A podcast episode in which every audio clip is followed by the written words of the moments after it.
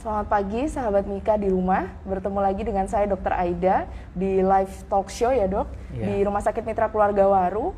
Saya sudah bersama dengan Dr. Budiono Raharjo, spesialis patologi klinik MTH. Nah ini sudah ditunggu banyak orang nih dok. Iya, sudah dok. ditunggu banyak orang banget ini topiknya. Jadi Dr. Budiono Raharjo ini sudah bergabung dengan Mitra Keluarga Waru sejak 6 Agustus 2010. Betul Iya. ya dok? Gitu. Ini bosnya. Jadi nanti bagi sahabat-sahabat Mika yang mau nanyakan masalah laboratorium, semuanya bisa lewat Dr. Budiono. Sehat dok? Gimana Sehat, kabarnya? puji Tuhan. Harus sehat ya dok. Kalau di Mika itu, ketika ditanya kabarnya, sehat luar biasa. Iya, sehat luar biasa. Sehat luar biasa karena masih pagi dok ya. Iya, kita harus semangat semangat, pagi. banget. Iya, kita betul, Dok. harus semangat pagi. Oke. Eh, judulnya di live talk show kali ini itu adalah serologi antibody, Siap. rapid test, PCR swab tuh sebetulnya bedanya apa sih dok? Iya, Nah, jadi seperti itu. ya nanti, Nanti kita eh, monggo dokter paparkan karena saya yakin banget yang di rumah itu banyak banget pertanyaan soal ini. Termasuk saya sih dok. Saya Iya. sudah ada titipan-titipan dari teman-teman dokter umum juga sudah ada banyak banget pertanyaannya. Iya, baik. Ha-ha. Silakan dok, monggo Iya. dipaparkan. Jadi apa sih sebetulnya eh, virus SARS-CoV-2 atau yang kita kenal sekarang itu COVID-COVID kayak gitu ya. Hmm. Jadi sebetulnya virus itu merupakan suatu mikroorganisme yang dapat menyebabkan suatu infeksi. Kita ketahui untuk virus itu ada DNA virus yang dari DNA virus, kemudian ada yang RNA virus. Bedanya ketika untuk RNA virus itu termasuk virus yang sangat mudah rapuh seperti itu Dokter Aida. Nah, kemudian untuk SARS-CoV-2 ini merupakan golongan virus yaitu coronavirus. Jadi coronavirus itu ada empat genus. Jadi mulai dari alpha coronavirus, kemudian beta coronavirus, kemudian ada delta coronavirus, ada gamma coronavirus. Nah, untuk SARS-CoV-2 itu termasuk golongan beta coronavirus. Di epi, eh, di pandemik sebelumnya, jadi ada waktu itu SARS ya tahun 2000-an. Booming tuh dok. Ya, SARS, kemudian MERS yang di Timur Tengah itu merupakan saudaranya dari eh, SARS-CoV-2 ini. Tetapi yang terdahulu itu tidak sedahsyat ini. Iya, seperti itu. Jadi kenapa kok sedahsyat ini? Maksud kami adalah bahwa untuk penularannya ini sangat cepat. Diperkirakan awal itu penularannya melalui droplet. Tetapi akhirnya diketahui bahwa ukuran dari virus ini ternyata kurang dari 0,3 mikro. Kecil banget. Kecil banget. Bahkan lebih kecil daripada eh, apa? eh, ukuran dari masker yang kita pakai. Seperti itu. Nah, kemudian sesudah itu ketika di- seseorang itu menularkan melalui drop, droplet, maka ini bisa terbawa atau bahkan bisa bertahan sampai di udara itu kurang lebih 8 jam. Seperti itu, Dok. Nah, ketika sudah bertahan di 8 jam, seseorang yang sudah menularkan melalui droplet atau melalui bersin, batuk, seperti itu, kemudian dia bisa terbawa melalui sirkulasi, misalkan sirkulasi dalam suatu ruangan itu tertutup oleh AC, dia bisa ikut sirkulasi dari AC, AC tersebut. Oke. Makanya terakhir sudah disebutkan bahwa penularan dari SARS-CoV-2 itu melalui airborne, seperti itu Dokter Aida, gitu. Sempat Iya. baca tuh dok saya banyak rame dibicarakan Iya, betul. soal ini. Terus sebenarnya eh, dia itu masuk ke tubuh kita itu via apa saja dok? Jadi kalau airborne Iya, kan otomatis betul. hidung ya. Jadi otomatis kita harus mm, menjaga supaya tidak masuk ke dalam sistem pernafasan kita, terutama ya dok. Melalui apa aja? Ini misal mata. Gitu. Kenapa kok kita harus pakai face shield? Karena ada satu saluran di mata itu yang tembus ke dalam hidung kita. Ya dok, jadi ada eh, apa namanya saluran air mata itu tembus ternyata sampai ke hidung kita. Dan itu yang kita harus jagai. Kita pakai face shield seperti itu. Kemudian untuk masker lah, ini masker harus kita canangkan ya dok. Iya, jadi betul, kenapa betul. kok harus pakai masker supaya kita itu tidak terhirup ya virusnya itu tidak terhirup oleh kita. Se- Seperti itu. Malah secara langsung ya dok. Ya, betul. gitu, Makanya pemerintah selalu mencanangkan pemakaian dari face shield dan ini apa namanya masker. Masker. Itu penting Iya, sekali, Dok. betul, Seperti itu. Semoga udah nggak ada yang menganggap itu hoax ya dok ya. Ya, Jadi itu, emang Dok. itu penting sekali gitu. Penting sekali, betul. Nah, untuk pendeteksiannya gimana dok? Kan kita punya tadi eh, sesuai judulnya kita punya tiga Ya, pembahasan tuh dok. betul, Dok. Monggo dok, kita bedah satu-satu dok. Jadi sebetulnya bisa ini eh, virus ini itu bisa menular kan melalui droplet ya dok ya, Hmm. melalui dari udara seperti itu. Jadi kita harusnya standarnya, gold standarnya itu kita mengambil dengan swab dok, dengan PCR. Oke. Tetapi ada satu kalanya virus ini ter- bisa beredar di dalam darah. Itu yang kita sebut namanya viremia kalau di dalam kedokteran ini Oke. ya. Nah, ketika dia sudah deteksi di dalam darah, dia bisa menyebabkan eh, pembentukan antibodi Oke. seperti itu. Kekebalan tubuh Kekebalan ya, tubuhnya, Hmm. karena dia sudah ada mengenal antigennya, kemudian dia bisa membentuk antibodi itu. Oke. Nah, yang kita kenalkan yang terakhir ini untuk mendeteksi dari antibodi dulu ya dok ya. Dari antibodi ini ada sekarang ada antibodi total. Kita mengerjakan dengan salah satu alat ya. Dia mengerjakan eh, dengan antibodi total. Apa sih bedanya antibodi total? Kemudian ada rapid cassette test seperti itu. Jadi kalau rapid cassette test yang selama ini beredar di Pasaran ya dok? pasaran di secara umum begitu itu ada yang keluaran dua keluaran kalau kita awal-awal dulu itu ada yang antibodi total ya tadi ada merek tertentu yang di, di apa diberikan oleh pemerintah ke kita waktu itu. Kemudian sekarang sudah terbagi menjadi IgM dan IgG Oh iya betul, saya ingat banget tuh dok yang waktu Ya, awal-awal itu. Waktu awal. Itu waktu itu dengan dokter Aida ya.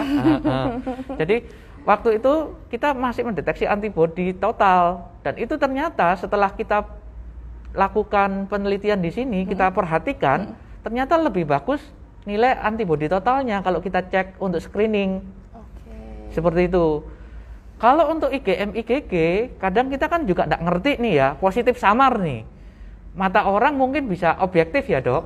Jadi kalau misalkan saya baca, oh ini positif samar, belum tentu mungkin dokter Aida setuju saya, setu- setuju dengan saya, kemudian bilang, oh ini positif. Nggak bisa, tergantung matanya masing-masing. Betul, betul. Oleh karena itu sekarang sudah ada titer yang mengeluarkan titer antibodi. Itu yang kami sekarang lagi em, keluarkan untuk silakan untuk dipakai untuk screening seperti itu, Dok. Oke. Seperti itu. Itu jauh lebih sensitif daripada sekedar hanya rapid cassette test. Seperti itu. Kalau untuk screening ya, Dok. Seperti itu. Nah, kalau untuk IgM sama IgG ini yang mungkin dipertanyakan oleh para sobat Mika ya. Iya. Jadi kapan sih IgM keluar? IgM keluar itu setelah biasanya eh, setelah paparan sama antigen, te- setelah paparan dengan antigen, dia setelah tujuh hari maka dia akan terbentuk IgM terlebih dahulu. Setelah itu, setelah 14 hari kemudian baru muncul IgG. Seperti itu dok. Tetapi untuk screening, ya itu tadi sekali lagi, kalau rapid cassette test itu terbatas sekali, artinya ya terbatas mata lah dok. Seperti Betul, tes pack, kayak tes kehamilan Iya, gitu. Jadi betul. hanya bisa oh ini positif atau negatif, tanpa ta- kita tahu titernya. Oke, ini Gitu. menarik dok, karena titer ini istilah mungkin kalau saya ngerti ya dok, tapi Iya. sahabat Mika kan belum belum tentu. Titer tuh nanti misalnya hasilnya di lembaran yang mereka terima tuh bentuknya seperti Iya, apa kira-kira? jadi titer itu sebetulnya kadar antibodinya Oke. seperti itu. Jadi kalau menurut yang terbaru, penelitian yang terbaru ya dok, jadi kalau titernya nanti antibodi total itu di bawah 10, itu berarti kita perkirakan oh ini kemungkinan akut atau IgM. IgM. Jadi dari alat itu yang rapid cassette test itu termasuk IgM. Seperti itu. Tapi kalau sudah di atas 10 itu kemungkinan adalah IgG. Tapi ini masih kita perlu penelitian lebih lanjut. Oke. Seperti itu, Dok. Oke, berarti nanti lebih kurang kalau misalnya sobat Mika di rumah melakukan pengecekan terus di lembarannya itu berupa angka gitu ya dok berarti misalnya 14, 15 gitu berarti ya kira-kira Iya, betul, atau betul. 1, 2, 0, koma sekian gitu Iya. berarti Kalau memang negatif ya berarti sudah nilai cut di bawah cut off.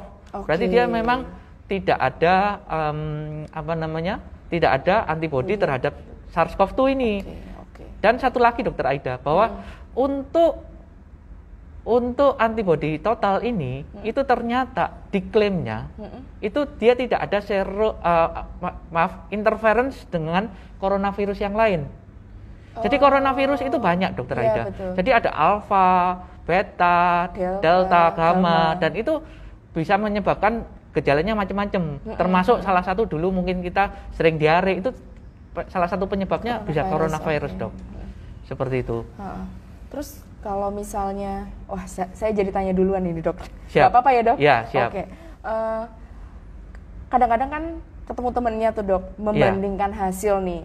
Loh, kok kamu 28 sih? Kok aku cuma 7 gitu? Itu Iya. kan jangan-jangan kamu lebih parah lagi, jangan deket-deket aku gitu. Oh, apa apa ya, sampai tahu, Dok. sampai sesensitif itu sih dok? Atau gimana pandangan? Jadi dok? begini, kalau untuk menilai derajat keparahan tidak bisa seperti itu, Dok. Oke. Nah, menilai derajat keparahan ini kami kebetulan kami baru launching mengenai swab PCR ya, Dok ya.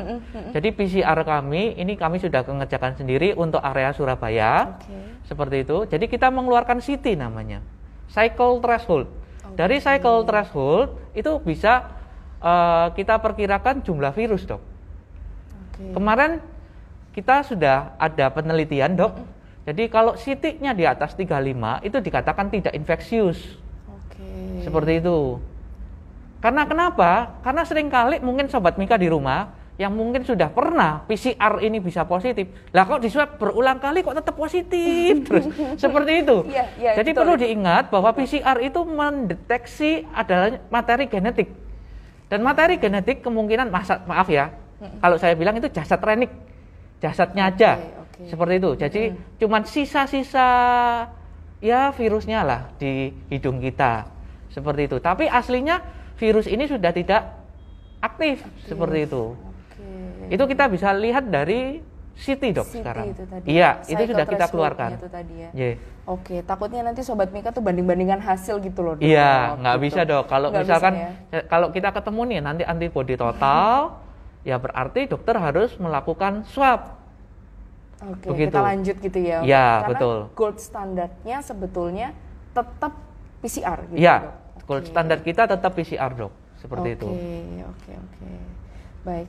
Terus eh, yang menarik lagi dok, ini tadi saya sempat eh, ini untuk yang masalah IgM kan munculnya tujuh hari. Iya, siap. Kadang-kadang kan untuk menunggu sampai tujuh hari itu kan butuh kesabaran ya dok. Betul kesabaran, betul sekali betul dok. ya dok. Iya, betul. Jadi kadang-kadang ada eh, pasien itu yang dia baru dua eh, tiga hari empat hari gejala itu dia minta ngotot Minta seperti itu. Saya minta IgM, IgG kan sekarang masyarakat sudah pinter-pinter ya dok. Iya, Artinya betul. Mikadoma juga sudah pinter-pinter. Artinya menyebutkan IgM dan IgG itu sudah bukan hal yang tabu lagi gitu. Betul, Masyarakat saya mau minta dicekkan IgM-nya nih dok. Saya eh, lagi baru-barunya nih sakitnya saya gitu. Sebetulnya memang harus tujuh hari ya dok? Atau Harus tujuh hari dok. timingnya harus pas kan Timingnya ya dok? pas, harus pas. Jadi kalau misalkan kurang dari tujuh hari, sebetulnya standar yang kita keluarkan itu dengan pemeriksaan teknik swab. Jadi swab itu, Kalau kurang dari tujuh hari ya, ini ya, swab oke. itu untuk menilai ya. Jadi untuk mengambil sampel saja itu ada teknik tersendiri, Dokter Aida. Jadi untuk teknik pemeriksaannya namanya PCR, PCR. Itu singkatan dari polymerase chain reaction seperti itu. Jadi sekecil apa pun sebetulnya kita bisa deteksi. Tetapi harus diingat timing untuk PCR juga sangat menentukan dok. Ke- kalau misalkan eh, kurang dari dua hari nih kecepatan nih, kita kecepatan nge-swab nih hasil bisa negatif. Maka Oke. pemerintah selalu menyarankan ini ada dua kali swab satu hari berturut-turut dengan ya jadi ha- harinya juga berturut-turut misal sekarang diambil swab besok juga Besok di swab lagi, lagi, seperti itu gitu. Untuk melihat viral loadnya dok seperti Oke, itu ini highlight ini dok. Nanti akan saya ucapkan lagi di terakhir ini. Iya, Karena siap, kadang-kadang ada yang eh, bertanya bahwa eh, apa namanya eh, masalah PCR ini tuh kan banyak sekali perdebatan gitu loh dok, pro dan kontra gitu. Iya, Salah betul. satunya, kenapa sih saya mesti di swab dua kali? Karena kan memang eh, swab itu prosedur yang nggak menyenangkan ya dok? Sak- Prosedur sakit, ya, dok? sekali. Bahkan saya pribadi sudah juga di swabnya berulang kali ya dok ya. Jadi untuk kita di laboratorium itu memang eh, swabnya itu berkala seperti itu. Jadi memang ya itu tadi dok. Kalau misalkan kita ambil terlalu awal dok, maka viral loadnya itu mungkin hanya jumlahnya sedikit sekali dan itu akan menyebabkan hasil itu negatif. Seperti itu dok. Betul betul. betul. Iya, jadi kalau untuk meningkatkan sensitivitas dan spesifitas, maka kita harus melakukan swab itu dua kali, seperti Dua anjuran kali. dari ya. Kemenkes, Kemenkes seperti ya. itu. Iya. Jadi memang dua hari berturut-turut tuh perlu ya dok? perlu Oke. saya betul. Mm. Kalau terlalu lama gimana dok? Kalau tadi kan Kalau terlalu, nih. ya, kalau terlalu lama juga dia sudah mungkin sudah fase penyembuhan tuh hasilnya juga akan negatif dok. Negatif, oke. Seperti itu. Kadang kan ada yang nahan-nahan tuh sakitnya, nggak periksa-periksa sampai udah lewat Ya, tiga minggu betul, Dok. gitu kan dok, datang Ya. ternyata negatif. Tapi tidak menyingkirkan kemungkinan infeksi pada saat itu ya dok, kalau kita pemeriksaannya terlalu lama ya dok. Betul dok. Siap. Oke. Mm, mm, mm, mm. Terus untuk masalah pengambilannya nih dok, Iya. masalah pengambilan eh, bah bahannya itu, maksudnya kita kan punya eh, tadi ya dok antibodi yang ada beredar di dalam darah sama kita swab seperti Iya, itu. betul. Lokasi pengambilannya dan akurasinya gimana nih? Nah, ini uh, para sahabat Mika ya, ini harus kita ketahui bahwa untuk analis sendiri atau makan kita dokter patologi klinik, kemudian dokter THT, dokter anak yang mengambil swab itu harus terlatih, Dok. Oke. Kalau tidak, itu teknik pengambilan swab itu harus sampai ke nasofaring. Artinya ke dinding belakang dari wadah hidung. Jadi kalau misalkan hanya sampainya hidungnya depan, Dok, ya itu akan menyebabkan false negatif, negatif palsu. Berarti harusnya terasa tidak nyaman ya dok kalau sampai belakang. Oh, tidak nyaman sekali, Dok. Seperti itu. Tapi kita kalau di mitra keluarga ini kita punya standar ya, Dok. Iya. Jadi vlog swab yang kita pakai itu betul-betul kecil. Saya pernah swab, Dok, di salah satu apa namanya? instansi seperti itu. Kemudian saya diberi besar sekali. Uh, rasanya luar biasa, Dok. Seperti itu. Jadi kalau di kita itu rasanya ya pasti sedikit tidak nyaman tetapi tidak menyakitkan sekali sih, Dok. Menurut saya seperti itu. Oke. Karena ukurannya sangat kecil, Dok. Oke, gitu. oke, oke. Berarti ya banyak hal yang berpengaruh dari situ ya dok? oh, Maksudnya berpengaruh. dari Besar kecilnya juga dari teknik analisnya. Betul. Jadi gitu. gini, Dokter Aida. Jadi untuk kita hasil valid atau tidak valid itu sangat ditentukan di laboratorium ini, Dok ya. Ada fase namanya fase pre-analitik, fase analitik dan fase post analitik. Oke. Seperti itu. Nah, untuk fase pre-analitik, untuk teknik swab ya dok. Jadi pre-analitik itu kami memilih VTM atau media dari virus itu, itu yang harus betul-betul mencerminkan supaya bakteri eh, virus ini betul-betul bisa kuat untuk terekspresinya. Kadang ada media virus, ya dok, media virus itu yang dipakai sering kali membuat itu eh, virus itu bisa rendah banget dan membuat tidak deteksi di alat PCR. Oke. Seperti itu. Menghasilkan negatif Betul. gitu akhirnya. Kemudian eh, tongkat swab. Nah, ini dokter kan mungkin pernah lihat ini. Kayak tongkat swabnya itu. Iya, tongkat lidi. swab itu juga tidak boleh terbuat dari lidi. Harus dari plastik, Dok. Kalau hasilnya dari lidi, kemungkinan bisa false negatif juga. Itu yang hal- hal-hal kecil yang harus kita perhatikan. Harus diperhatikan. Kemudian untuk analisnya sendiri, kemudian dokter ya jadi da- dari dokter patologi klinik, pato- dokter umum, kemudian dokter THT atau dokter anak di mitra keluarga ini sudah terlatih dok untuk mengambil. Jadi ada memang ada latihannya dan kita punya sertifikasi untuk meng- hanya mengambil swab itu butuh sertifikasi dok. Oke. Seperti itu itu. menenangkan loh dok, itu menenangkan saya terutama karena saya Iya. berencana mengecek diri saya dan keluarga saya gitu. Iya, Artinya siap. itu menenangkan saya ketika kita diambil oleh petugas yang bersertifikat itu kan, oh kita Betul. tenang nih akhirnya. Oh ya oke. Karena gini dok, pernah ada satu tuduhan ke kami ya, tuduhan ke kami ini dok. Ini yang saya juga tidak enak ya dok. Jadi gimana sih pengerjaannya dari mitra keluarga Betul. seperti itu. Nah, secara teknisnya saya gimana? yakinkan bahwa teknik yang di kami itu sampai saya itu ganti sarung tangan itu satu pasien satu dok.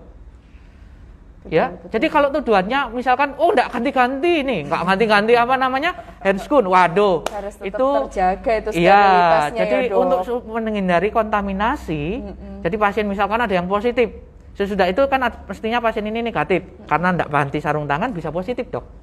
Tapi untuk prosedur yang kita terapkan di mitra keluarga, itu kita pakai dengan sarung tangan berbeda, satu pasien satu sarung tangan, Dok.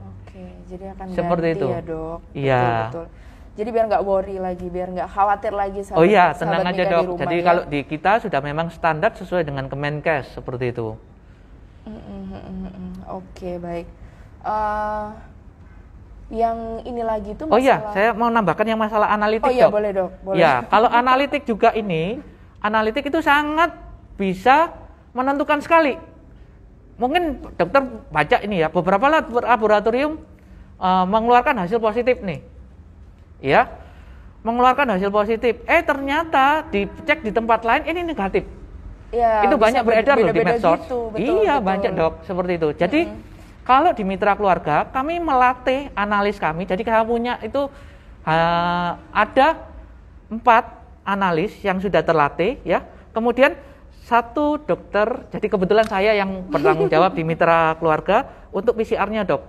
Jadi ada nanti kemu- uh, ada empat analis. Pertama ada namanya Mbak Iit ya, kemudian ada Halimah, kemudian ada yang namanya Atika dan ada Mbak Leja. Jadi semua ini kita latihkan dulu dok. Jadi kita nggak langsung me- melepaskan, oh ini harus lepas langsung pengerjaan. Nggak bisa dok. Karena banyak false positif dan false negatif untuk PCR itu sendiri. Begitu dok. Oke.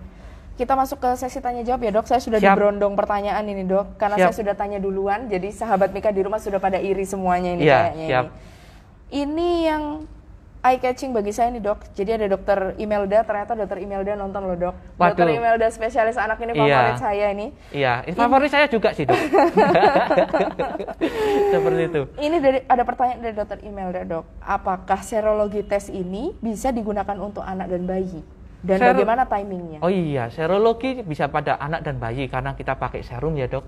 Jadi Oke. harus diketahui bahwa untuk rapid test, mungkin dokter Imelda ya, jadi rapid test yang beredar di masyarakat itu sering kali menggunakan, oh ada sampel itu bisa pakai whole blood, whole blood itu dari kapiler ya dok.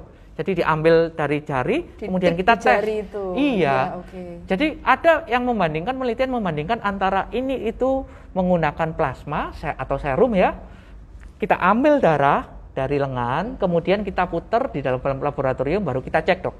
Itu Oke. dengan sampel yang namanya plasma atau serum.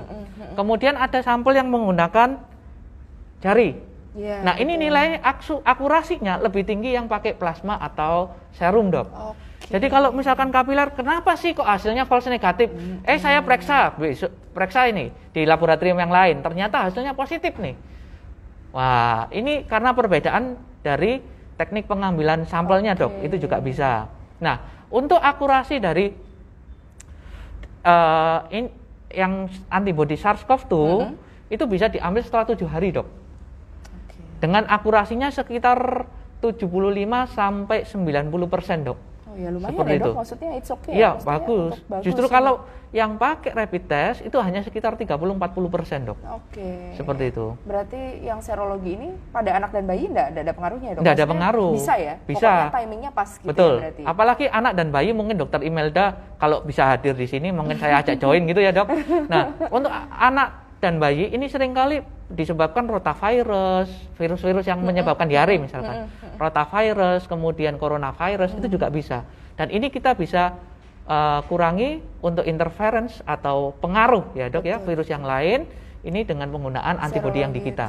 Oke. Iya. Yang nanti hasilnya diterimanya titer itu tadi ya dok? Titer, berarti? titer. Jadi ada kadar dari antibodi itu dok. Oke, baik. Kita lanjut ke pertanyaan selanjutnya ya Siap. dok. Ini udah banyak sekali. Eh, sebentar dok. Izin bertanya dok dari Devi SPTYN underscore. Dokter izin bertanya apakah berpengaruh ketika badan kita kelelahan karena begadang atau karena aktivitas yang lain lalu kita melakukan rapid test dan hasilnya itu reaktif tanpa ada gejala sama sekali. Bagaimana? Iya. Jadi Ini ter- banyak ditanyakan. ya, Terima dok. kasih kepada Bu Devi, ya salam kenal Ibu. Jadi memang sering kali kalau misalkan rapid test, hanya yang kaset rapid test, itu sering kali terinterference. Oke. Saya kemarin awal-awal dok, ini pengalaman kami pribadi, itu kami mengetaskan untuk asisten rumah tangga kami, itu ternyata positif dok. Saya sampai takut ini, IgM positif. ini. IgM positif. Waduh, ini awal-awal virus bulan 3 waktu Iya, itu. Kemudian, wah, aduh IgM positif. Terus saya coba swab dua kali ketentuan yang dari Kemenkes. Waktu itu saya ambil hari ketiga, ya hari ketiga lebih. Saya swab dua kali berturut-turut.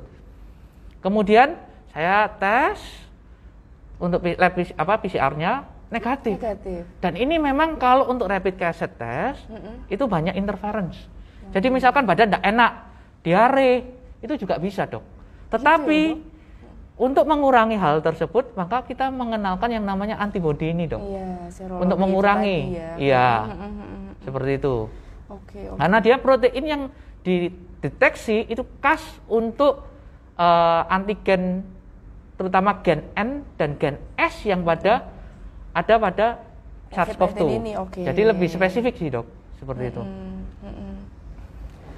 Terus ini ada pertanyaan lagi dok dari Monita.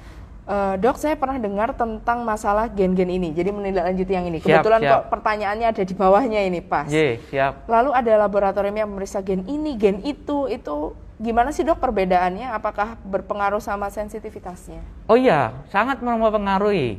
Oke. Ya, kepada Bu Monita terima kasih. Selamat bergabung ya, Bu. Jadi gen ini ada gen ada yang eh, jadi standar WHO itu sebetulnya menggunakan satu gen yang spesifik. Jadi ada beberapa laboratorium hanya menggunakan dua gen. Tapi kalau di kami itu kami menggunakan tiga supaya meningkatkan spesifisitas dari pemeriksaan itu, dok. Jadi kalau di kami itu ada dua gen yang khas yaitu gen N dan gen RDRP. Kemudian ada gen E. E ini bisa juga pada coronavirus yang lain. Tetapi untuk spesifiknya saya menjaga itu untuk gen N dan gen RDRP untuk mat- eh, di mitra keluarga seperti itu dok. Jadi memang ada pengaruhnya memang dok. Kalau nanti gen N itu sebetulnya untuk pentingnya adalah untuk neutralizing antibody. Untuk menghilangkan dari virus itu. Virus itu ya dok. Seperti itu. Kalau gen S sebetulnya ada gen S lagi, Mm-mm. itu yang untuk break eh, virus ini bisa berikatan dengan reseptor yang ada di dalam tubuh kita. Oh, Seperti itu, Dok. Berarti ngaruh ya dok? Itu kan Pengaruh, sudah, pengaruh sudah sekali. banyak banget didengar tuh dok. Jadi Iya, beda betul. gen, beda gen ini. Jadi nanti itu. ada gen, oh ternyata ah, periksa di satu laboratorium hanya periksa dua gen. Iya. Pernah itu yang kita alami dok. Kemudian ada yang E, jadi gen itu hanya periksa E sama RDRB saja. Mm-mm. Lupa nggak ada gen N-nya. ternyata hasilnya sesudah diperiksa ke laboratorium yang lain, eh ternyata positif loh dok. Oke. Seperti itu. Jadi itulah Gitu ya, false Dok. negatif dok. Oke, baik. Seperti itu. Baik. Baik, baik. Berarti ya emang berpengaruh banget ya, Dok. Berpengaruh. Hmm. Kalau di mitra kita sih menggunakan tiga gen dok. Ini ilmu baru ini, Dok. Ilmu Iya. baru. Nanti saya highlight lagi ini di Siap. belakang ini, Dok. Saya lanjut ke pertanyaan ya, Dok, Iya, dari siap, Dok. Simuka underscore. Iya. Dokter, mohon izin bertanya, PCR swab-nya kalau sudah negatif, tapi batuk dan sesak masih ada itu bagaimana korelasinya? Iya, PCR-nya sudah dilakukan berapa kali, gitu Mm-mm, betulnya. mm-mm. Dan ini mungkin karena batuk itu ya, batuk itu kan penyebabnya banyak ya Pak ya. Jadi misalkan dari alergi, ya oh dok iya, ya. betul. Pencetusnya, Pencetusnya ya, Dok. mungkin alergi, Mm-mm. kemudian dia terkena COVID nih. Mm-mm, mm-mm. Kemudian ya apa namanya, mungkin COVID-nya sudah virusnya sudah hilang, tapi karena dia masih ada alergi bisa batuk dok, seperti itu. harus itu yang kita harus betul-betul melihat bagaimana riwayatnya betul. Dari pasien itu, seperti Makanya nggak boleh bosen kalau ditanyain sama dokternya ya dok. Iya betul, Karena kan tra- tracing ke belakang itu sangat penting ya dok. betul. Oke. Malah kalau misalkan ada penelitian lagi dok, tapi nggak menutup kemungkinan juga dok. Sebetulnya kalau sudah terinfeksi COVID ini, itu dia akan membuat sequel dari paru. Sequel, Oke, jadi ada oke. kecacatan sedikit lah di paru seperti itu. Jadi mungkin dia akan merasa sesak ke depannya. Seperti itu. Kayak teman saya nih, dia butuh waktu berbulan-bulan untuk pulih, Dok. Iya. Dan tergantung badannya masing-masing. Tergantung ya, badannya Dok? dan imunitas tubuh masing-masing. Karena itu, sahabat Mika, bagi yang mungkin sudah terinfeksi nih dan mengalami penyembuhan, supaya menjaga tubuhnya. Jadi jangan capek-capek, istirahat yang cukup, jadi bisa pulih cepat dok. Seperti Oke, itu. hangoutnya dikurangi dulu ya dok. Iya, hangout. Istirahat dulu ya. Iya. Oke, Eh, sama saya tergelitik satu dok. Ini pertanyaan titipannya dokter umum ya dok. Ya siap. Bagaimana sebenarnya kita itu harus menghadapi pertanyaan semacam ini secara durasi, secara durasi. Kadang kan, aduh kok lama banget sih dok hasilnya kayak gitu-gitu loh dok. Jadi ini untuk pemeriksaan PCR dulu. Siap. Jadi untuk yang PCR ini sebetulnya sebetulnya dok durasi pemeriksaannya tuh berapa lama sih? Kadang kan ada yang aduh ini kok lama banget sampai seminggu, aduh ini kok lama banget. Tapi yang di sana cepet iya, banget betul gitu, betul. Jadi begini dokter Aida, untuk PCR itu kita itu ada beberapa tahapan ya sahabat Mika. Jadi mulai dari ekstraksi dari RNA-nya, jadi kita ngambil DNA dari virus, RNA eh, dalam hal ini RNA virusnya. Kemudian kita ekstraksi dok. Ekstraksi ini ada dua, dua metode. Pertama manual, yang kedua yaitu dengan otomatis, pakai alat dok. Oke, alat Nah. alatnya aja udah beda ini ya dok. Alatnya Oke. juga sudah beda Oke, gitu. oke, oke. Nah, kemudian kalau manual ini, manual itu tergantung pemipetan, Dok. Jadi berapa? Jadi ini betul-betul konsentrasi yang tinggi dan betul-betul mungkin dalam satu shift itu hanya mungkin dikerjakan 50 ya 24 sampel sampai 50 sampel. Itu tergantung dari analisnya. Oke. Satu analisis dalam satu shift bisa mengerjakan kurang lebih 24 sampel, Dok. Ya dokter bisa bayangkan kalau tenaganya terlatih, maka kita bisa cepat sih, Dok. Oke. Seperti itu. Seperti itu. Iya, tergantung juga tapi kalau misalkan pengerjaannya nanti hasilnya mungkin perlu pengulangan, nah itu nggak bisa cepet dok. Oke. Seperti itu, tergantung juga alatnya ya. Mm, mm, mm, mm. Seperti itu. Iya, Nah, dok. ke depan ini kami masih eh, akan mengusahakan untuk ekstraksi otomatis. Jadi mitra keluarga ini akan mengusahakan supaya kita punya alat sendiri untuk ekstraksi otomatis dan kita masih pesen ini dok. Jadi bisa banyak dok, seperti oh, itu. Iya betul. Jadi load load sampling maksudnya eh, load sampel yang diperiksa juga berpengaruh ya dok. Kalau juga overload berpengaruh, juga. betul. Nanti kalau overload daripada salah dok, jadi bisa kontaminasi. Misal, Mm-mm, ini mm-mm. saya pakai ini contoh ya dok. Jadi misalkan ini pasien yang positif nih, saya pinjam punyanya dokter Aida ya. mm-mm. Kemudian ini yang negatif. Mm-mm. Kemudian kalau kita kalau kita nggak nggak apa namanya nggak teliti, Mm-mm. ya jadi analisnya mungkin nggak teliti, ini bisa kontaminasi masuk ke sini dok pipetan seperti itu atau menyentuh dinding jadi pipet itu punya dinding tabung itu jadi dindingnya pipet bisa menyentuh tabungnya aja dia bisa bikin seluruh ini akan positif dok Kontaminan ya dok. kontaminasi Oke. karena itu beberapa laboratorium mungkin selama ini ada mungkin medsos yang bilang oh kok laboratorium ini mengeluarkan positif ternyata kok diperiksa yang lain negatif waduh itu yang betul-betul kita harus Harus hati-hati ya dok. harus hati-hati seperti itu. Jadi tidak mudah mengeluarkan untuk hasil PCR. Begitu dok. Jadi jangan cepet-cepet lah seperti itu. Oke. Standar sih kita keluarkan dalam tiga hari ya dok. Standar itu. Standar sudah Oke. dok. Tiga hari ya. Kadang kan maunya cepet-cepet gitu ya dok. Iya. Maksudnya kebutuhannya orang kan kadang-kadang beda-beda ada. Betul. Ada yang ini tiga hari ya standarnya. Tiga hari ya, standarnya, Oke. Dok. Berarti sebenarnya ya ya wajar sih kalau saya dok. Maksudnya kan itu durasi segitu ya udah oke lah kalau Udah menurut oke saya sih dok. tiga Dan hari itu ya. memang kita butuh fokus yang tinggi seperti itu. Mm-mm. Kalau untuk durasinya rapid dan serologi gimana nih dok? Kalau rapid sama serologi nih, untuk serologi kan kita ngambil darah. Betul, darah ya dok betul. ya. Iya, ngambil Maka kita butuhnya cepet dok. Ya, butuh cepet kan. Mm-mm. Jadi kita ngambil, tapi harus diwaspadai. Kenapa? Karena serum atau plasma itu masih kita harus endap, endapkan ya. Itu kurang lebih 30 menit terlebih dahulu, baru kita lakukan sentrifugasi. Oke. Nah, ini makan waktu kurang lebih ya bisa dua jam lah dok. Oke. Gitu. Tapi harus diwaspadai juga jumlah dari lot sampel itu sendiri, Dok. Jangan-jangan seperti kami kemarin, waduh sampai ratusan satu alat ini, Dok.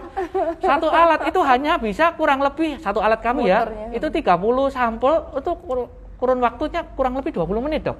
Oke. Lah kalau sampai ratusan kemarin di kami 200, 300, terakhir kemarin sudah 500-an, Dok.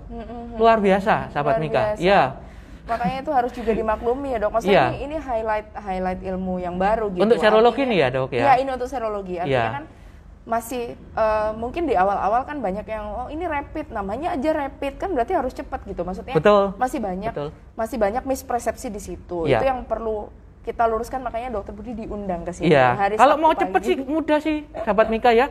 Kenapa? Pakai rapid test aja, kemudian pakai jari, oke, tinggal masuk. Tapi apakah valid? Betul. Seperti itu. Betul. Jadi kalau sampel paling bagus sebetulnya adalah sampel dengan menggunakan plasma, Plasma. atau serum, Dok. Plasma atau serum. Seperti itu. Nah, butuh waktu mengendapkannya aja setengah jam. Setengah jam. Belum Muternya dilakukan berapa? melakukan Betul, sentrifugasi betul, ya, Dok ya, betul, muter betul. itu. Oke, oke. Iya. Jadi terbantu dok, kami-kami ini yang nanti menjelaskan di garda depan ini dok. Siap, siap, Dokter. Kita lanjut ke pertanyaan selanjutnya ya dok. Siap. Hmm.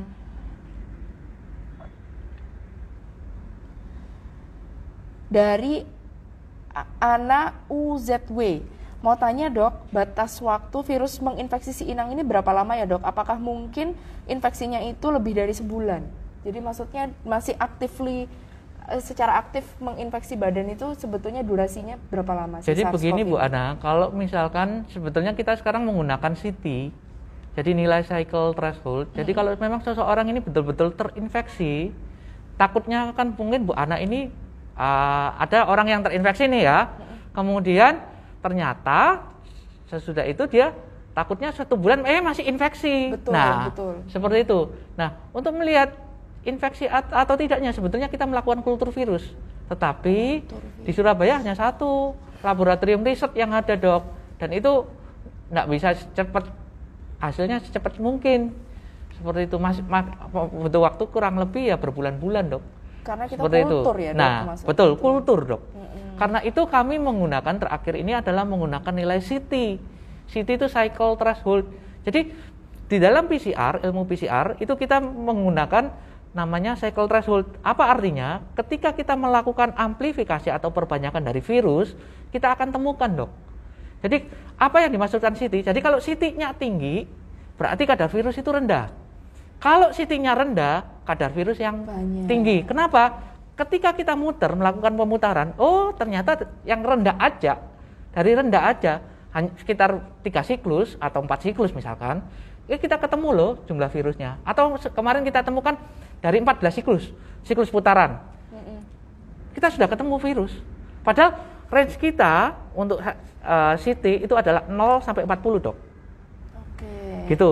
Jadi kalau semakin tinggi putarannya berarti oh makin banyak putarannya kita nganu apa namanya eh, ndak nemukan virus itu dok. Misalkan virus. 30 42 Oh, iya. misalkan Oke, ya. begitu ya, Dok. Harus 42. kita putar berkali-kali. Berkali-kali Ya, kok nggak nemu nggak nemu nggak nemu nih. Iya, betul, Nah, betul. terakhir kita Oke. di putaran ke-42 kok kita nemu. Berarti virus ini sangat rendah dan tidak infeksius, Dok. Oke. Seperti itu. Iya, Itu ada iya. ada jurnalnya. Mm-mm, Seperti itu. Ini ilmu baru juga nih dok. Soalnya Iya. banyak juga teman-teman dokter umum yang lihat nih. Ya, yang bisa bantu jelaskan nanti. Karena itu para sahabat Mika mau harus memilih laboratorium yang menggunakan PCR-nya tepat. Karena nggak semua laboratorium akan mengeluarkan CT. Oke. Begitu. Baik. Lanjut ke pertanyaan selanjutnya Siap. ya dok. Dari dokter Dwi dok lagi nonton ini Oh iya, rumah. salam kenal dokter. kenal banget kamu Iya sama kenal banget Dwi. Sama dokter Dwi. Pasien dengan eh, apakah pada pasien dengan kondisi imunokompromis atau yang sistem imunnya turun, apakah jika di rapid test atau serologi test akan menghasilkan false negatif? Oh tentu sekali dok. Jadi imunokompromis adalah ketidakmampuan seseorang itu untuk menghasilkan imunitas tubuh atau kekebalan tubuh. Jadi untuk rapid test malah nggak akan keluar dok. Seperti itu. Mungkin kalau misalkan di serologi ini saya belum juga coba ya dok ya dengan pasien imunokompromis kita coba dengan serologi mungkin titernya naik sedikit aja juga bisa dok. Seperti itu. Iya, Dok. Iya. Sebet- berarti pemeriksaan yang disarankan ya tetap goldnya PCR ya. Goldnya tetap sebetulnya? PCR dokter Dwi, seperti itu. Jadi kalau misalkan om imunokompromis, ya kita pakainya adalah tetap gold standarnya adalah PCR. Oke, baik. Selanjutnya ya dok ya. Siap dok. Ini kayaknya ada yang masih bingung nih sahabat Mika. Ini dari Junior Lin.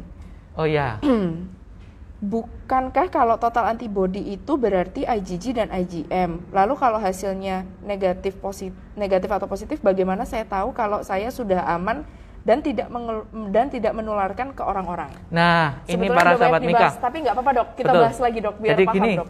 ah, mungkin selama ini yang perpandangan di luar, oh IgM kalau sudah turun, IgG baru muncul gitu ya dok ya. Itu secara teori yang indah banget yang pernah kita dengar ya. Tetapi ada satu satu jurnal yang mengatakan bahwa IgM, IgA untuk SARS-CoV-2 itu tahan sampai 100 hari dok. Oke. Tahan sampai 100 hari dok. 100 hari. Jadi kalau misalkan dokter periksa sesudah 100 hari ini ya ibu tadi, kalau kita periksa, uh sampai 100 hari kok IgM saya keluar. Wah ini saya reinfeksi, nggak bisa nilai seperti itu. Nggak bisa semata-mata kayak gitu. Nggak ya, bisa. Dok, ya? Jadi untuk menilai reinfeksi atau misalkan nilai kesembuhan, ya kita standarnya PCR. Mungkin PCR nanti nggak keluar nih ya, kok bisa tetap positif terus. Lihat nilai CT. Nilai CT sekarang dok. cycle thresholdnya itu tadi. Iya Dok. betul. Oke, CT ini baik, yang baik. sekarang lagi diperdengungkan oleh kami di laboratorium. Mm, mm, mm, Seperti itu dok. Iya, iya, oke baik dok. Iya. Kita lanjut ke pertanyaan selanjutnya dok. Siap. Ini masih banyak sekali nih dok. Ini kalau diterusin bisa sampai besok ini kita Iya, lagi ini nggak dok. apa-apa dok.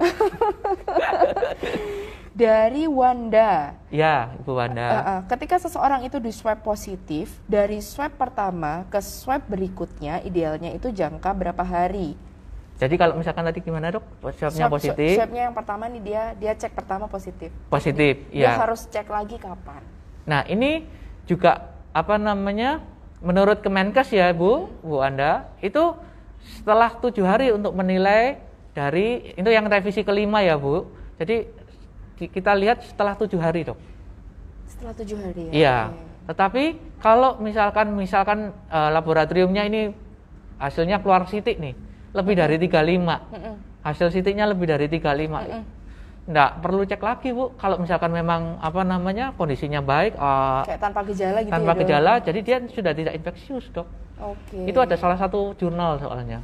Dan ini memang kami masih meneliti ke depannya. Akhirnya bisa jadi lebih selektif ya dok Selektif, kalau kita pakai betul. patokannya cycle threshold ini. Gitu. Cycle threshold. Artinya betul, sudah Dok. tahu bahwa itu putarannya banyak tadi yang kata Mm-mm. dokter Budi viral loadnya sedikit maka pengulangannya pun bisa kita pertimbangkan. bisa, betul. Karena kan kalau kita melakukan prosedur nggak nyaman, yang tidak nyaman bagi sahabat Mika di rumah itu kan ya kita harus pikir-pikir ya dok. Maksudnya Waduh, sangat, Dok. hari pertama bayangin Iya. aja saya udah pusing dok hari pertama di swab, besokannya di swab lagi. Iya. Itu pasti nyeri telan pasti, nggak nyaman di hidung pasti. Betul. Terus tujuh hari lagi diambil lagi, diambil lagi gitu kan banyak Iya. yang bertanya seperti itu. Ya, makanya itu yang ter- aturan Kemenkes yang terbaru revisi yang kelima itu menggunakan 10 hari on dari onset awal, Dok. Itu untuk kriteria pulang. Pulang. Seperti itu. betul, Jadi betul. 10 hari ditambah tiga hari Bebas bebas gejala. Bebas gejala, Heeh. betul. Mungkin Dokter Aida sudah baca ya. Iya, saya harus, Jadi Dok. tanpa PCR sekarang untuk bisa. uh, kriteria pulangnya, Dok. Seperti itu. Karena kita tahu PCR ini nilainya ya nilainya mungkin akan positif terus dok di swab sekali positif saya pernah itu ya punya eh, ini nge-swab ya nge-swabnya di mitra ini anak-anak hampir satu bulan lebih dok waktu itu dan itu memang belum kita masih ber- belum berdengungkan mengenai CT Iya, saya dan belum ada tadi ya. untuk yang revisi yang Kemenkes Kemenkes yang baru betul, Betul, seperti itu, Dok. Length of stay-nya durasi rawat inapnya pun bisa akhirnya lebih berkurang ya dok. bisa length Kayak of stay-nya oke. mungkin bisa kita, Kita perhatikan CT-nya syaratnya ya dok. Iya, Cycle threshold itu, itu tadi ya. Oke. Kita lanjut ke Gitu. pertanyaan selanjutnya dok. Nah Siap. ini ini menarik karena saya pernah juga ditanyain seperti ini sama pasien saya dari eh, Uli Latif.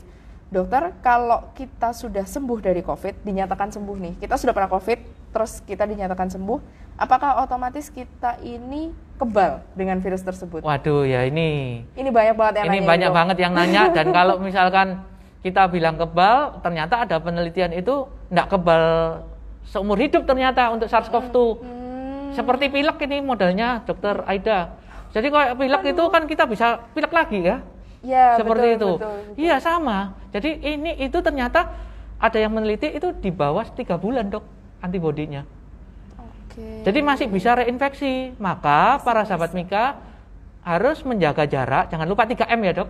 Menjaga jarak, memakai masker. Kemudian apa dok? apa yo? Menjaga stamina tubuh Stamina dok. tubuh, iya. ya. Oke. 3M ya dok. Oke. Iya. Oke, kita lanjut ya dok ke pertanyaan selanjutnya. Sebentar, saya harus scroll scroll dulu karena yang tanya banyak sekali nih. Hmm.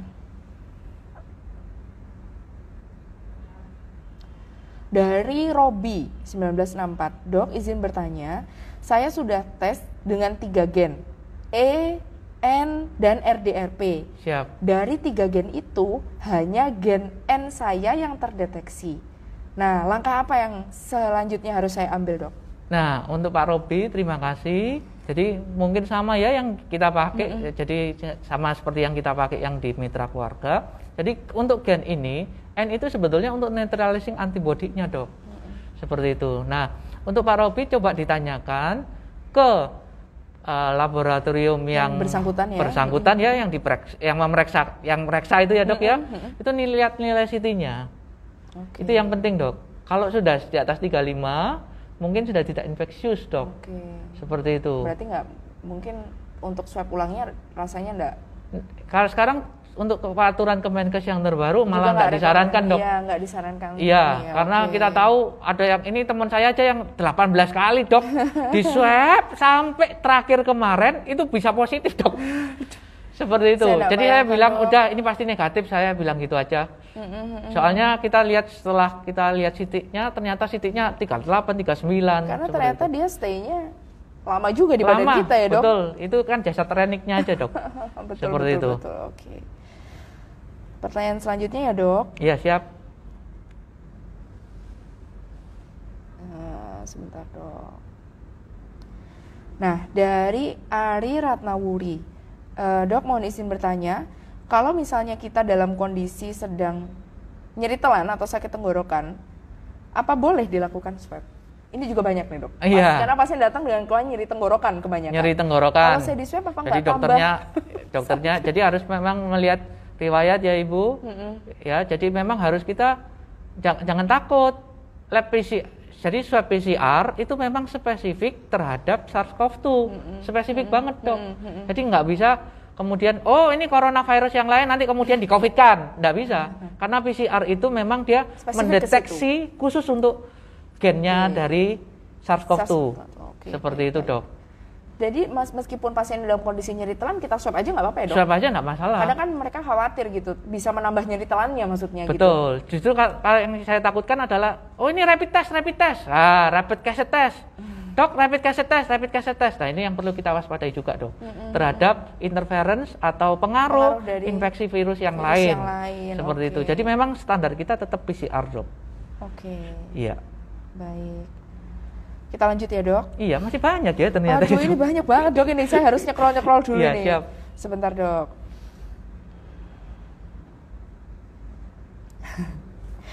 Ya, ini menarik dok. Ini eye catching buat saya karena saya juga pernah ditanya seperti ini sama pasien saya.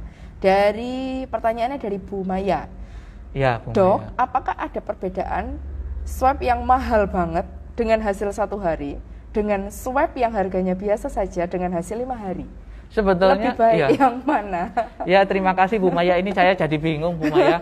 Jadi, kalau kita melihat apakah ini ya itu tergantung alat juga. Ada satu alat yang memang dia mengeluarkan hasil itu cepat sekali, Bu. Jadi mau yang keperluan apa, Ibu? Jadi kita bisa mengeluarkan sih. Mm-hmm. Jadi swab PCR itu kita bisa mengeluarkan cepat itu tergantung alatnya, Dok. Okay. Alat itu ada satu alat dia kita masukin dari hasil swab, mm-hmm. kemudian kita masuk alat. Mm-hmm. Kita nggak usah ekstraksi, mm-hmm. yang ekstraksi itu alat mm-hmm. dan dia hanya keluar 45 menit. Jadi hasil kita bisa keluarkan kurang lebih dua jaman. Hmm, hmm, hmm. Seperti itu. Ya butuhnya jutaan dok. Nah, ya, ya betul. Pasti, betul. Pasti berbeda lah ya. Apa dok? bedanya? Hanya tekniknya saja. Okay. Kalau misalkan yang murah, ya murah ini ya, hmm. itu tekniknya manual juga dok. Okay. Gitu. Apakah yang tadi ada dokter bilang ini kita pencetin sendiri-sendiri itu tadi? Iya. Kalau okay. secara kalau pengerjaannya betul, hmm. pengerjaannya betul ya, hmm. ini ibu ya. Hmm.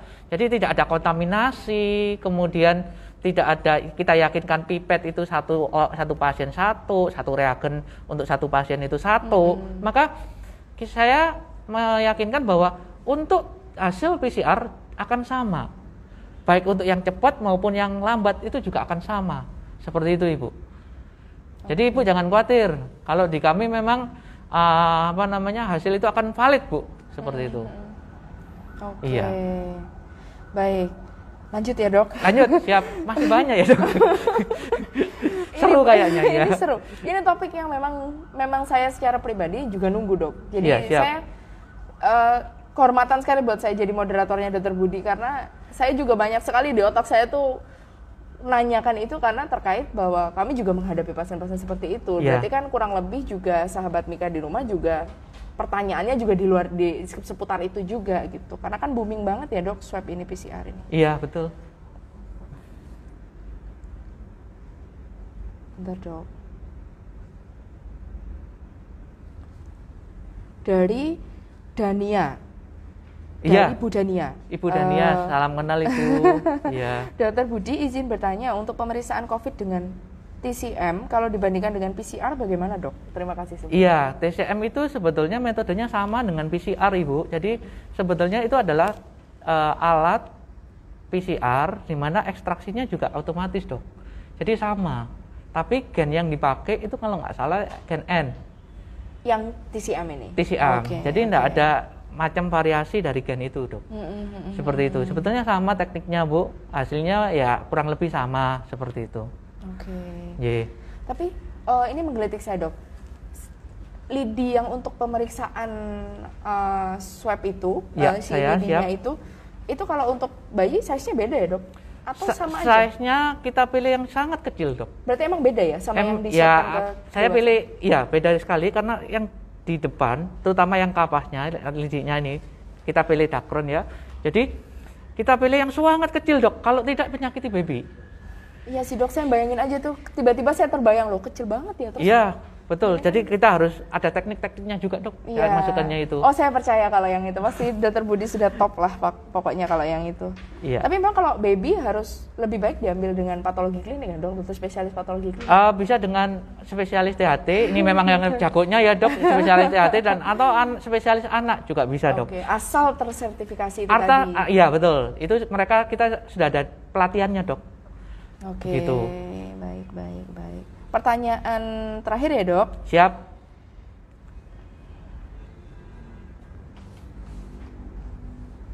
Sebentar dok. Dari eh, Bu Rulin.